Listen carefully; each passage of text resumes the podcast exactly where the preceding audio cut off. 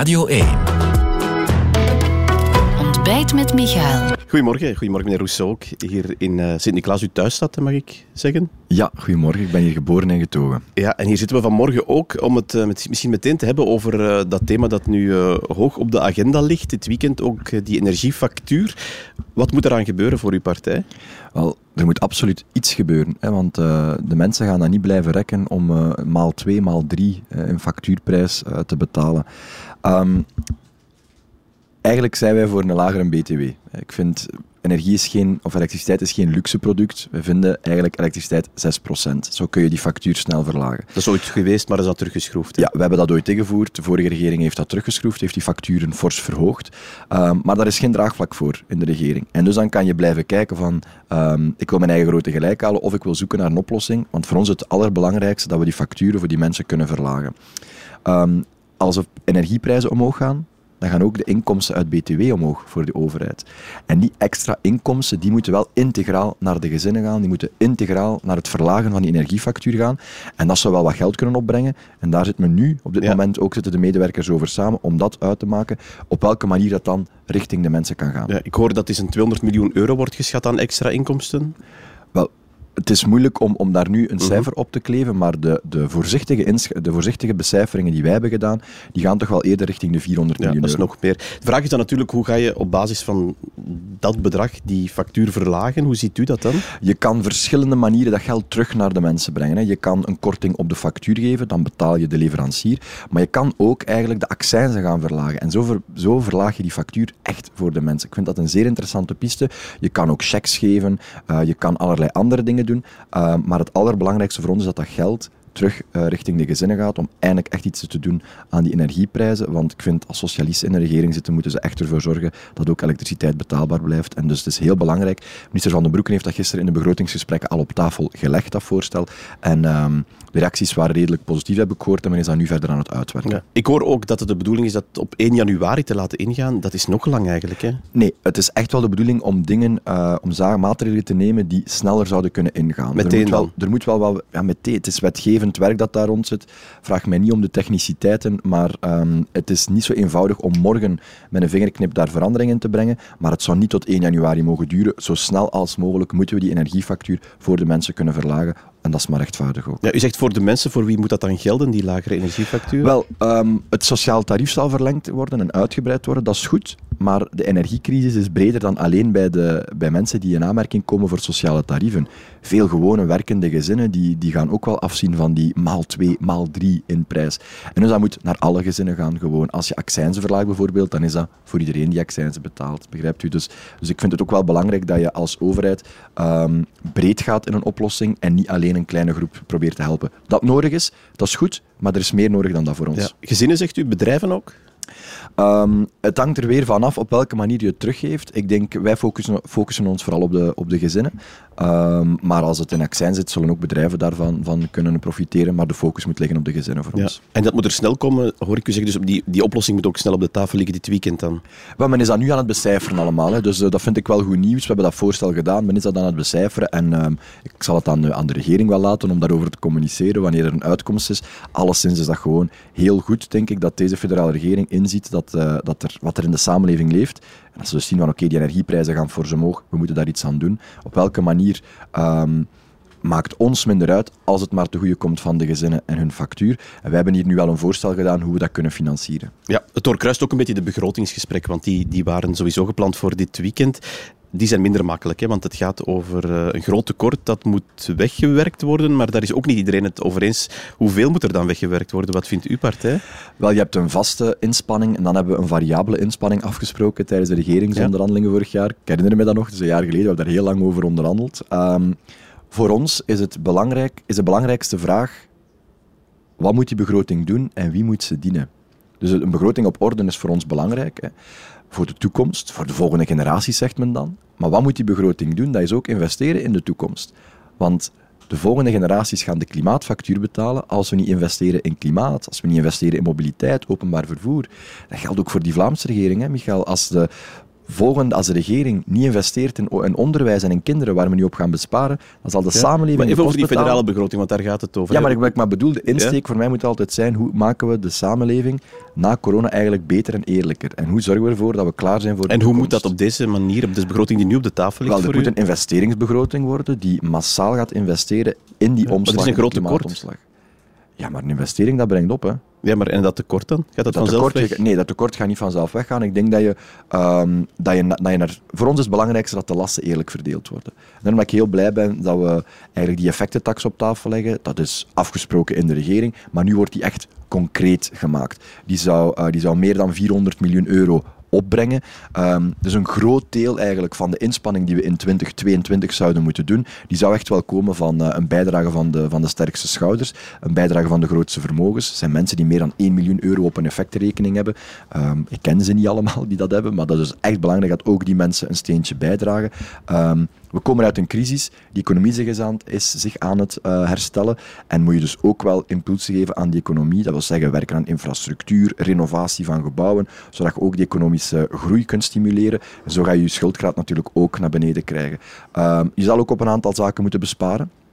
Ik denk bijvoorbeeld aan iets dat zowel goed is voor de staatskas Ja. als goed voor het klimaat, die professionele diesel. Wij subsidiëren eigenlijk eh, in de transportsector vervuilende diesel. Wij geven, dat zijn eigenlijk vervuilende subsidies, die moeten eruit. Eh, andere zaken, zoals een tweede, de tweede woonbonus eigenlijk. Met name, ja, het is niet logisch dat je, dat je geen woonbonus krijgt voor je eerste gezinswoning. Mensen die heel hun leven gespaard hebben voor een eigen woning. Maar als je een tweede, een derde of een vierde woning koopt, dat je daar wel een financiële eh, cadeau voor zou krijgen. Dat is niet Nee, rechtvaardig. dat leggen jullie op de tafel. Iets wat jullie ook op de tafel leggen, eh zijn die sociale bijdragen van voetballers. Ja. Eh, al heel lang eh, iets dat, ik denk ook in het regeerakkoord staat, hè, dat, Ja, dat staat wil regelen. Joris van den Broeken is er al heel lang Ja? over bezig in de Kamer. Ja, dat is gewoon gezond verstand. Je krijgt toch niet uitgelegd dat, eh, dat een, een poetshulp of, of, een, of, een, of een truckchauffeur of een leerkracht veel meer belastingen betaalt of RSZ betaalt dan, dan, eh, dan, dan, dan een En profvoetballer. toch lees ik in het nieuwsblad vandaag dat, eh, dat dat zou 200 miljoen euro kunnen opbrengen. dat dat in die begroting amper eh 20, 30 miljoen euro nu staat. Dus dat dat toch niet helemaal zo geregeld is. Wel, we, zullen- we zullen zien wat er vandaag, morgen, ik ik weet evenmin als u wat er net de uitkomst zal zijn, hoeveel geld dat het Ja. juist zal zijn. Ik denk dat het inderdaad rond de 20, 30 per jaar zit. Maar belangrijker dan wat het opbrengt, is voor mij het signaal. Heel belangrijk dat je het signaal geeft aan de mensen van ja, voor ons gaat het niet meer dat voetballers zoveel voordelen krijgen ten aanzien van de andere werknemers in dit land. Iedereen heeft een crisistijd gehad, iedereen heeft het moeilijk gehad. En samen in, samen, samen, in, samen uit, je, samen uit, samen thuis liever, je gaat, moeten, eh, je gaat moeten tonen dat je deze begroting moet ook rechtvaardiger zijn. Ze moet het land beter en rechtvaardiger maken, eerlijker na corona. En dat is daar gewoon als symbolisch een heel belangrijke maatregel. In die begroting, eh, een van de elementen die op de tafel ligt, is de sociale zekerheidsbijdrage voor voetballers. Eh, nu, mij dan niet, heel minimalistisch. Eh, dat zou geregeld worden. En hoe gaat dat geregeld worden in die begroting? Of hoe moet dat geregeld worden? Nee, alleszins het, ehm, het exacte bedrag zal, ja, zal uit onderhandelingen blijken. Ik denk dat het, zoals je, het gezegd hebt, eh, voor we wegvielen, eh, het een 20 of 30 miljoen, ik denk 20 zelfs, zou kunnen opbrengen jaarlijks. Je zou kunnen zeggen dat is weinig, maar voor mij is dit echt gewoon puur een principiële kwestie. Voor vooruit is dit echt principieel. Je kan niet uitleggen aan mensen dat ze de volle pot betalen en voetballers die toch niet altijd slecht verdienen, hè, om het zacht uit te drukken, dat die, dat die zoveel voordelen genieten. En dus we moeten investeren in sport en zo, hè, daar niet van. Maar of dat dan moet via de, de loonfiche van de voetballers die goed verdienen, dat weet ik niet. En het is heel belangrijk dat we zeggen na corona, wat moet die begroting doen? Die moet het land na corona ook rechtvaardiger en eerlijker maken. En zelfs als het niet als het geen honderden miljoenen opbrengt, het brengt wel tientallen miljoenen euro's op. Elke euro is belangrijk in een begrotingsdiscussie. Het brengt geld op en het maakt onze Ja. begroting en ons systeem ook gewoon Maar het feit dat het zo minimalistisch in die ontwerpbegrotingen, want daar hebben we het over, eh, in staat, betekent misschien ook dat het heel minimalistisch wordt ingevuld. Ehm, ik kan daar nu op dit moment weinig over zeggen. We zullen zien. Dit is een, Kan u daar een- akkoord mee gaan als dat zo minimalistisch is? Dat hangt weer af van het, van het, van het, van het geheel. Weet je, ik stel die begroting zelf niet op. Moesten wij ze alleen opstellen, zouden we daar nog forser in gaan. Moesten wij ze alleen opstellen, zou ik ook de elektriciteit naar 6% doen. En zou ik de effectentax Ja. nog, nog hoger Maar u weet wie daar Maar- tegenstander van is? Hè? Dat is de voorzitter van de Franstalige Liberalen. Hè? Ja, maar dat is ook heel duidelijk wie dan voor wie opkomt. Hè. Ik kom op voor de werkende Vlamingen. Je hebt mensen maar zit dat wel in de regering waar u dat moet goedkeuren? Ja, we zitten daar eh, inderdaad nog mee in de regering. Ja, die dat moet U, u, goedkeuren. maar u, zucht bijna, u bijna dat u daar nog in de regering mee zit. Ah ja, maar we hebben elk jaar, ik heb daar vorig jaar heb ik daar moeilijk mee gehad dat we daarin in de regering zaten, maar we, werken, we hebben met corona wel goed samengewerkt. Maar inderdaad, soms zijn de ideeën over bepaalde zaken... Eh, als de persoon waar u het over heeft, die vindt het bijvoorbeeld te rechtvaardigen dat voetballers zoveel kortingen krijgen en een poetshulp niet. Ik vind dat niet rechtvaardigen en daar zullen we dit weekend heel stevige debatten over hebben, maar dat is ook politiek, debatten hebben. Maar we zijn geen partij die alleen, zijn geen partijbeweging vooruit, is niet iets dat alleen maar langs de zijkant staat te roepen. We willen ook resultaten boeken. En resultaten boeken door samen te werken. En ik denk, als ik, als ik nu zie wat er op tafel ligt, een effectentax, waardoor er een bijdrage is van de, van de grootste vermogens, en als we ook die woonbonus voor mensen die een tweede, derde, vierde huis hebben, ja, niet meer bevoordeeld worden ten opzichte van een eigen gezinswoning. En als we dan ook iets in rechtvaardigheid aan de, aan de voetballers kunnen doen, en we kunnen iets doen aan het klimaat en in infrastructuur, dan denk ik dat we kunnen zeggen dat deze begroting de Vlaming, de Belg, Belg dient en ons klaarmaakt ook voor de toekomst. Ja, dan even over die sfeer binnen die regeringen, want u zit daar inderdaad met liberalen. Ik heb de indruk dat echt op elk mogelijk dossier de tegenstelling, zeker tussen uw Franstalige partner PS en liberalen, het, het kan haast niet groter, die kloof u, zal, u, zegt het u zegt het terecht, uh, vooruit zelf probeert zo weinig mogelijk publieke uh, contramine op te zoeken, want bon, dit, is de, dit is de regering van de laatste kans. Hè. Dus, um, en wat bedoelt u daarmee? Wel, ja, we zien allemaal de peiling, we hebben allemaal de, de, de kiesuitslag gezien in 2019. Um, willen we niet dat de extremen het overnemen, want extremen kunnen niet besturen. Ik daag de luisteraars uit om met één land te vinden in de wereld waar extreme partijen maar besturen. Wordt, wordt uw Franstalige zusterpartij niet, niet opgejaagd net door die extreem linkse PTB? Absoluut. Absoluut. Iedereen wordt opgejaagd door extremen. En daarom dat ik het belangrijk vind dat we met vooruit rustig blijven. En dat we niet meedoen aan dat opbod altijd in de media. Tuurlijk ga je soms uit, uitspraken moeten doen in de media. Om, je moet wel nog je standpunt bekendmaken. Hè. Maar, maar ik, ik, ja, laat, laat de VLD zich opjagen door de NVA, laat de PS zich opjagen door de PTB? Waarschijnlijk wel. Alleen is het belangrijkste voor mij niet wat er in de gazet geschreven wordt, want eh, daar, daar scheelt u patatten morgen op, wat er vandaag in de gazet staat, maar wel welke resultaten die regering kan boeken. En dan moet ik wel positief zijn. Die regering heeft heel daadkrachtig die coronacrisis aangepakt, zal nu daadkrachtig die energiecrisis moeten aanpakken, zal de komende jaren daadkrachtig die klimaatcrisis moeten aanpakken en er ook voor zorgen dat, dat er sociaal rechtvaardig, dat we bouwen aan die sociale welvaartsstaat die we hebben. En dat zijn we wel aan het doen. Maar ook pensioenen moeten worden aangepakt, arbeidsmarkt moet worden aangepakt. U heeft dat pensioenplan gezien uh, van, van uw socialistische minister. Ja, dat, dat is toch niet serieus te nemen, zoiets? Is dat net niet omdat zij opgejaagd wordt door eh, PTB onder meer? Maar kijk, op een ik, ik, wil daar heel eerlijk over zijn. Zouden wij hetzelfde pensioenplan hebben neergelegd? Nee. Um, staan daar ook heel veel goede elementen in? Ja. Uh, we moeten daar wel eerlijk in zijn alle media, alle journalisten hadden al een mening daarover voor de teksten werden neergelegd. Dat is, dat is een, een lijvige bundel. Uh, minister Lalieu heeft niet stilgezeten, dat is een lijvige bundel. Ze had misschien, zoals er geschreven wordt, meer draagvlak kunnen vinden. Oké, maar ja, alle ogen stonden wel gericht op corona.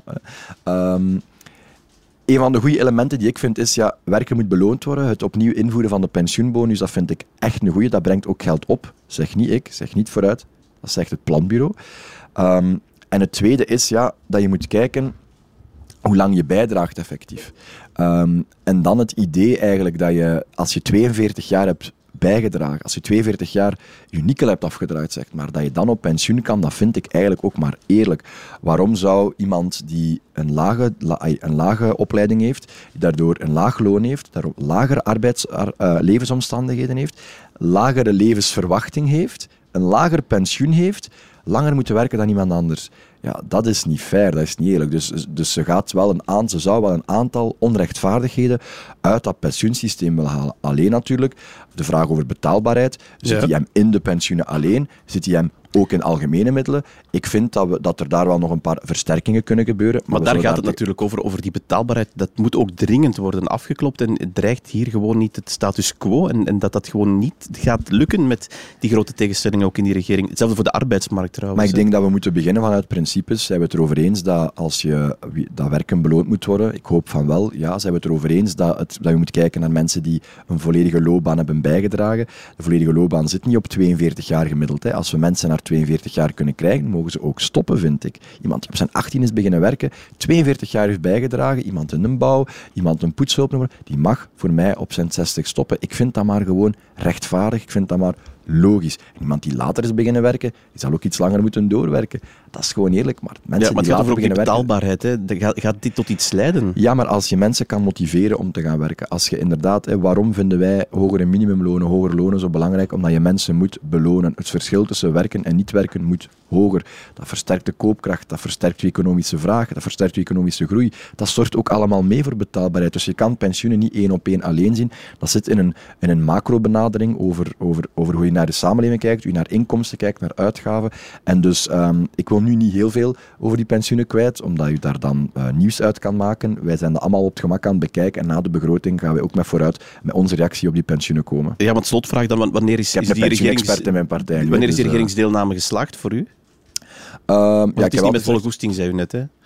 Maar jawel, maar jawel. Maar, allez, we, we, hebben fantastisch werk kunnen doen op corona. We hebben, er zijn weinig regeringen die zo'n impact hebben gehad op het leven van mensen als deze regering. En wij maken daar deel van uit. We hebben gezorgd dat iedereen gevaccineerd is, dat mensen beschermd zijn. We hebben ja, maar al die andere dossiers, wanneer is En al die andere dossiers hebben even op, uh, op, de, op de plank gelegen, maar zijn geslaagd. Allee, minimumpensioenen gaan naar 1500 euro. De uitkeringen voor mensen die het moeilijk hebben, de strijd tegen armoede, die wordt opgedreven. We gaan de minimumlonen verhogen. We hebben een premie gegeven. Je kan, daar, uh, je kan daarmee lachen en nog niet iedereen heeft die gekregen, maar die is er wel. We maken enorme investeringen, enorme investeringen, nooit geziene investeringen in het mentale welzijn, in die terugbetaling van die psycholoog. Dus in het eerste jaar Vivaldi is die voor vooruit zeker geslaagd. En de komende jaren zal moeten duidelijk maken of we het ook onze welvaartsstaat versterken versterken. Dat gaan we doen door inderdaad meer mensen aan de slag te krijgen, door, die, door de incentive om te gaan werken te verhogen, maar ook door onze begroting en ons land klaar te maken op wat de toekomst brengt. En dat is die klimaatverandering, die klimaatcrisis, dat is digitalisering, dat is werken aan die infrastructuur en dat is inderdaad, zoals ik daarnet al zei, meer mensen aan het werk, maar ook goed werk, werkbaar werk en een job die, die loont.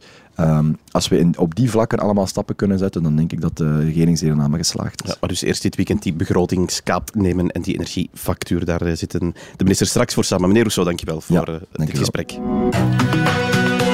Dit was Ontbijt met Michael, een podcast van Radio 1. Ontdek nog meer podcasts van Radio 1 in onze app en op radio1.be. Altijd benieuwd.